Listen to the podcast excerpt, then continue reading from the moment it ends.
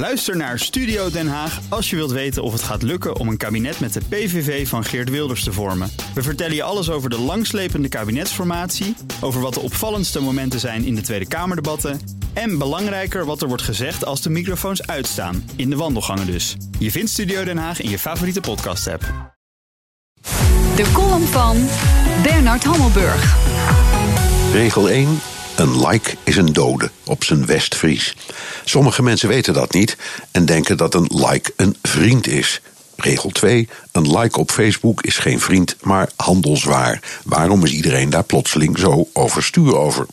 Simpel, omdat kennelijk niet iedereen beseft dat het delen van familiefoto's, deze of geen ergernis, groot geluk, kookrecepten, vitaminetips, waarnemingen van vliegende schotels, pikante video's of meedoen aan een online quiz voor Facebook een sleepnet van adressen is.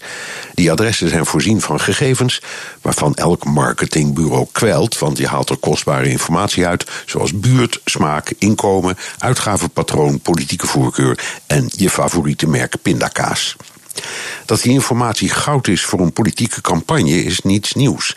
Toen Barack Obama er in 2008 en 2012 de Amerikaanse presidentsverkiezingen mee won, buitelden afgunstige politici en bewonderende journalisten over elkaar heen om deze geniale dirigent van de sociale media de hemel in te prijzen.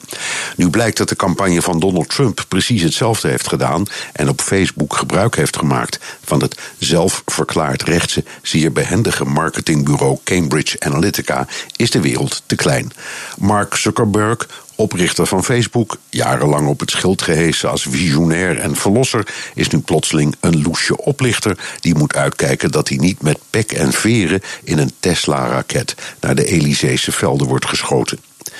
Als gebruikers van Facebook en andere sociale media verwijten hebben, doen ze er goed aan in de spiegel te kijken. Ze hebben zelf vrijwillig en enthousiast hun inloggegevens, IP-adressen, profielen, GPS-presentie en hun likes verschaft. Hoe groter de vriendenkring, hoe trotser. Populariteit druk je uit in het aantal volgers en vrienden. Zonder die vrienden stel je niks voor. Ben je als het door klasgenoten gepeste kind. Dan ben je eenzaam.